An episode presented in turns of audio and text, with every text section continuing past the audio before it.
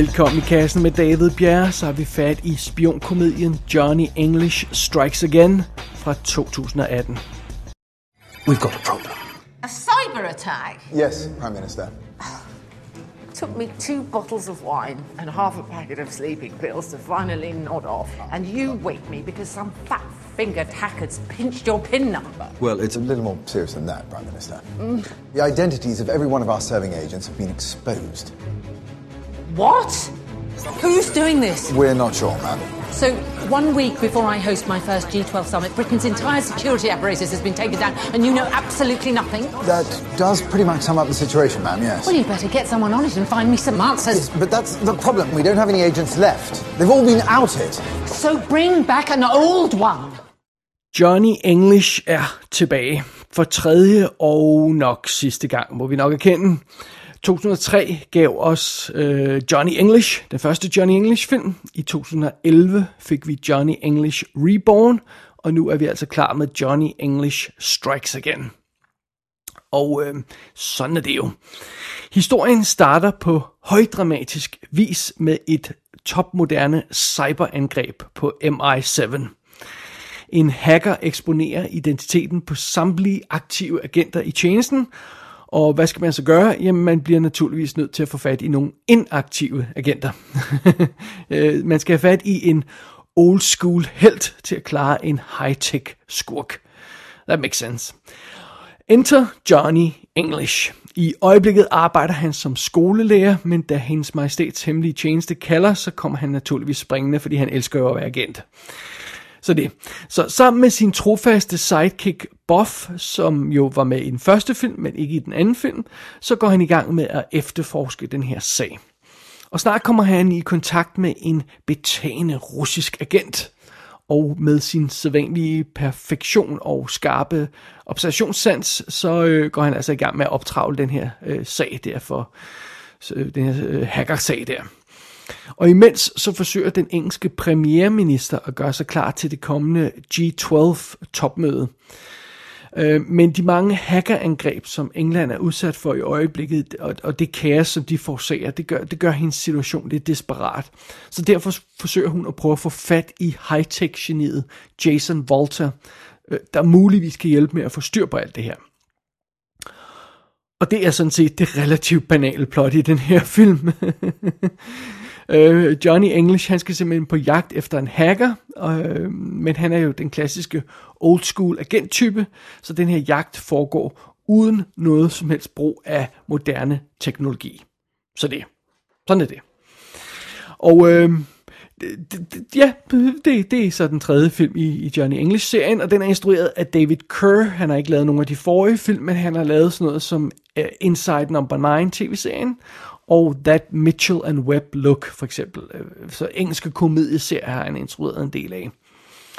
Som øh, Johnny English har vi igen Rowan Atkinson, og han har jo ikke lavet sådan forfærdeligt meget, siden han lavede Johnny English Reborn i 2011. Uh, øh, han har lavet sådan nogle småtterier, han lavede det med, med, med var det med Johnny English, eller var det med, med Mr. Bean, det kan jeg ikke huske. Han lavede til Olympiaden og sådan noget, han lavede, øh, har lavet sådan nogle kortfilm og reklamefilm og sådan noget.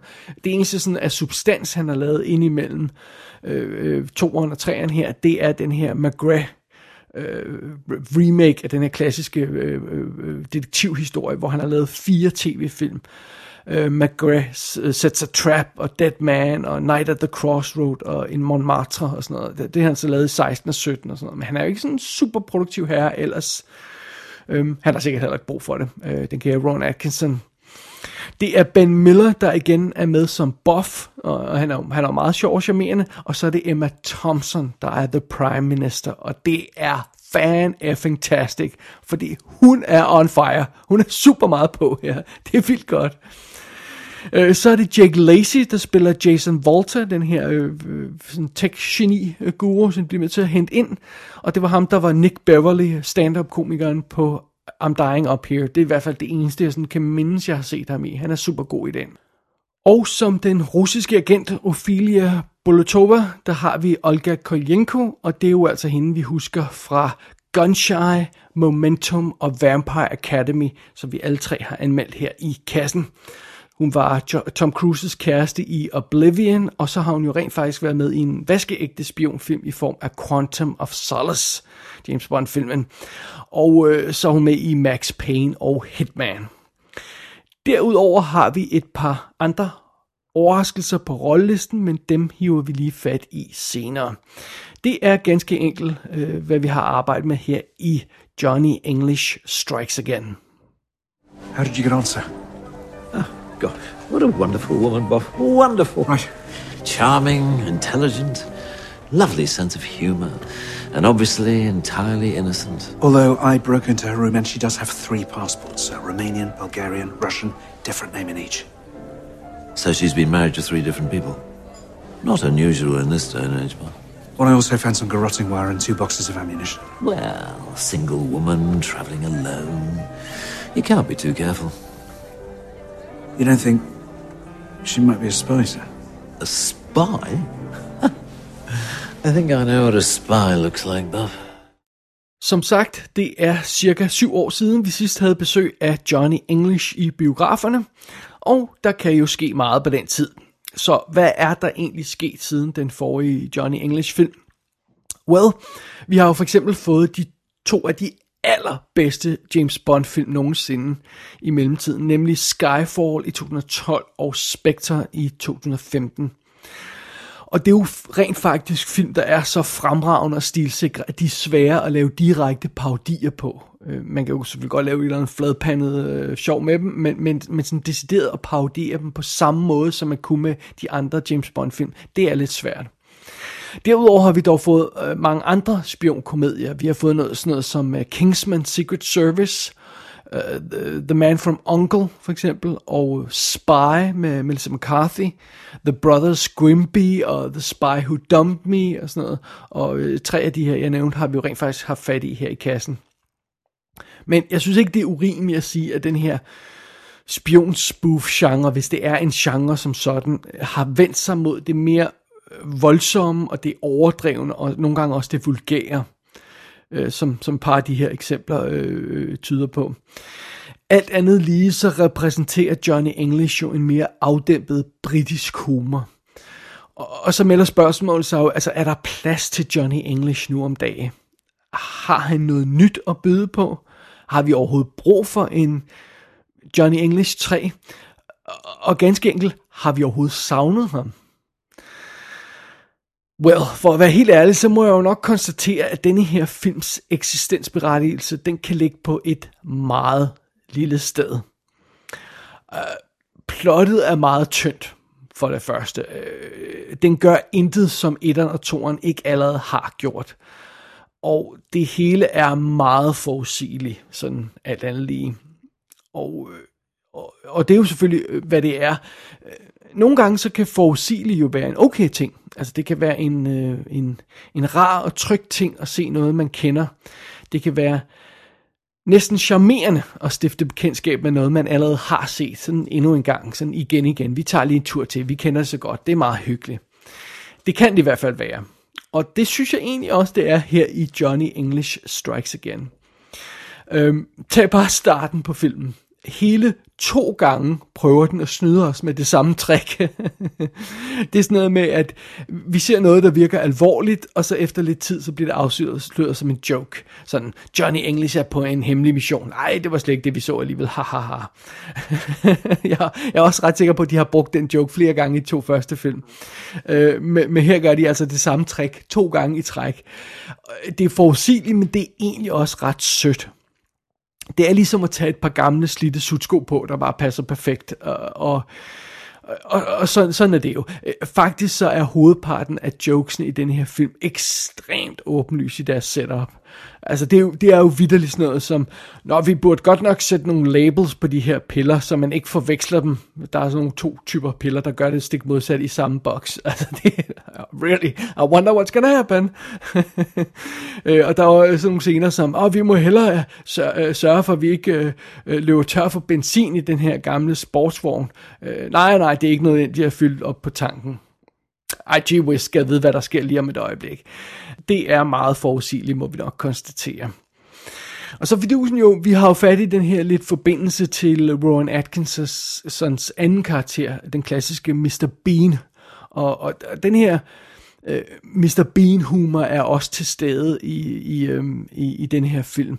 Og jo tættere vi kommer på den humor, jo mere griner jeg rent faktisk øh, øh, øh sådan personligt højt Øh, fordi jeg synes, den er ret charmerende.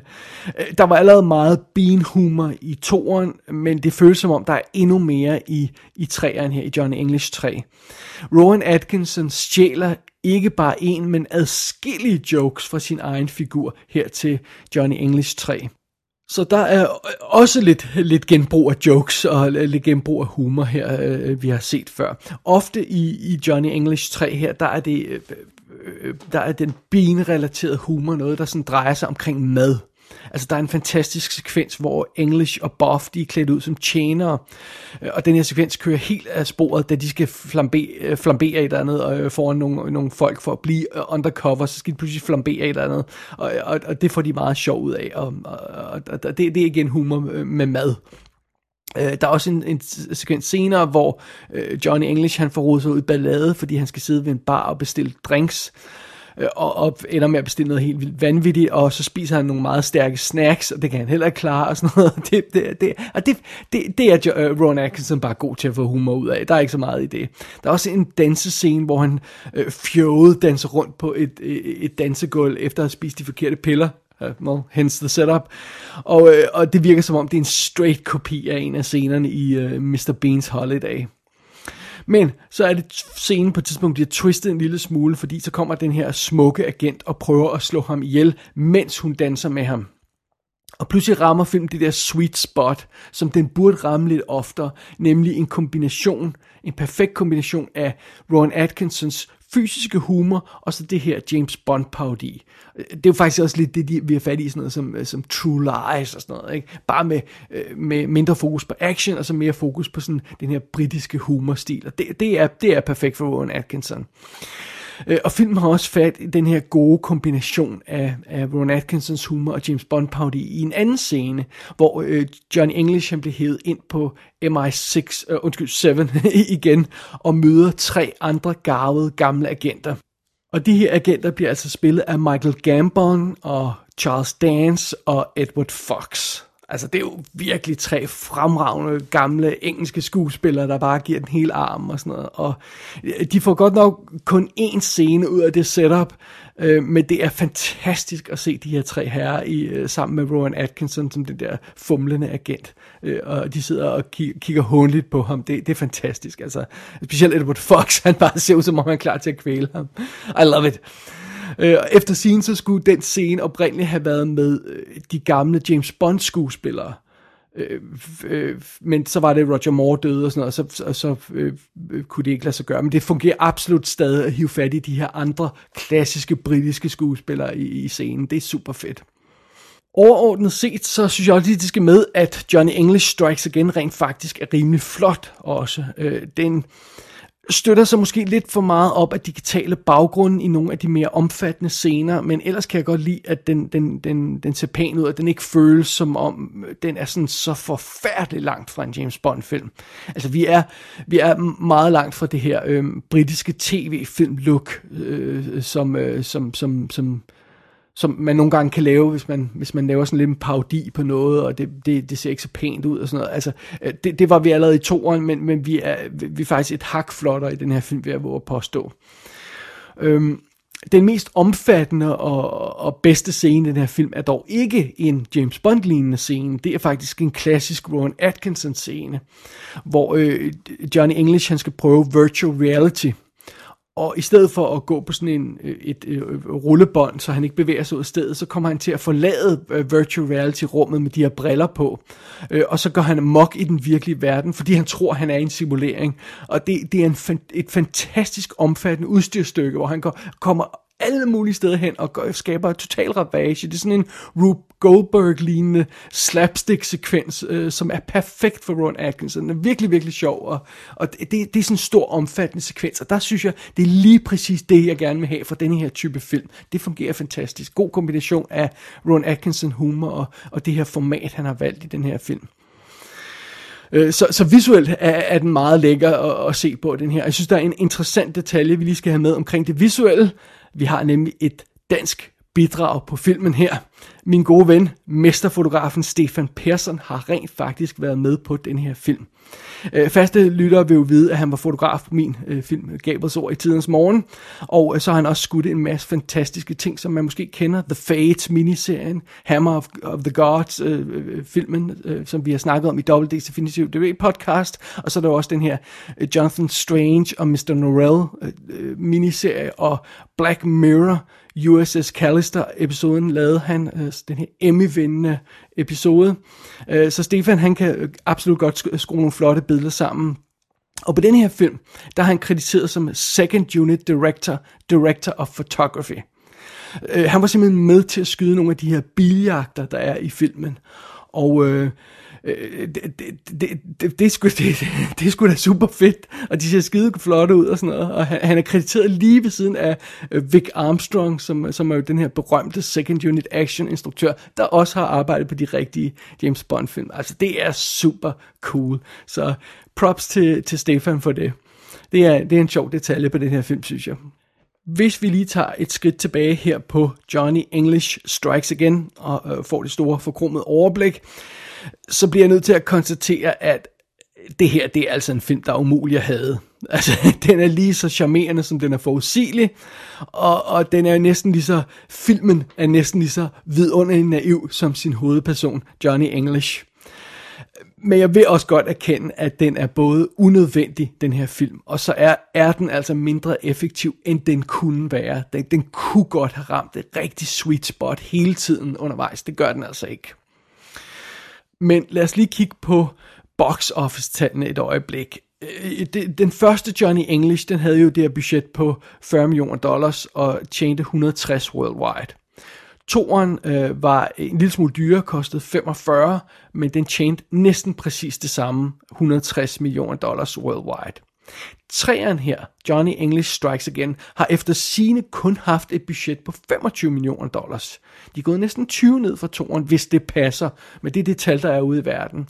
Og indtjeningsmæssigt, så har den tjent 157 millioner. Næsten det samme som de to andre. Som andre ord, træerne her er gået lige så godt som de to første film, så alle er glade, om jeg så må sige. Altså, det, det, er, en, det er en god fortjeneste, der er ikke noget der. Det, skal, det, det, det hænger absolut sammen. Så øh, det betyder jo simpelthen, at nu efter tre film, øh, så må vi nok erkende, at øh, det, det, det nok er tid til at lægge øh, øh, Johnny English til hvile efter 15 års tro tjeneste. Og det er altså helt fint med mig. Jeg, jeg, har, jeg har ikke brug for en Johnny English 4. Det, det må jeg nok erkende. Men øh, da jeg så har tænkt over det her, så, så er jeg begyndt at overveje noget andet. Jeg er begyndt, jeg er begyndt at genoverveje, om to Mr. Bean-film er nok. Øh, når vi nu har lavet Johnny English til en trilogi, så burde vi måske også lave øh, Mr. Bean til en filmtrilogi. Det, det, det kunne jeg faktisk godt bruge. Øh, og jeg kan ikke være den eneste, der har det sådan, vel? Vel? vel. Det, det kan jeg da ikke, vel?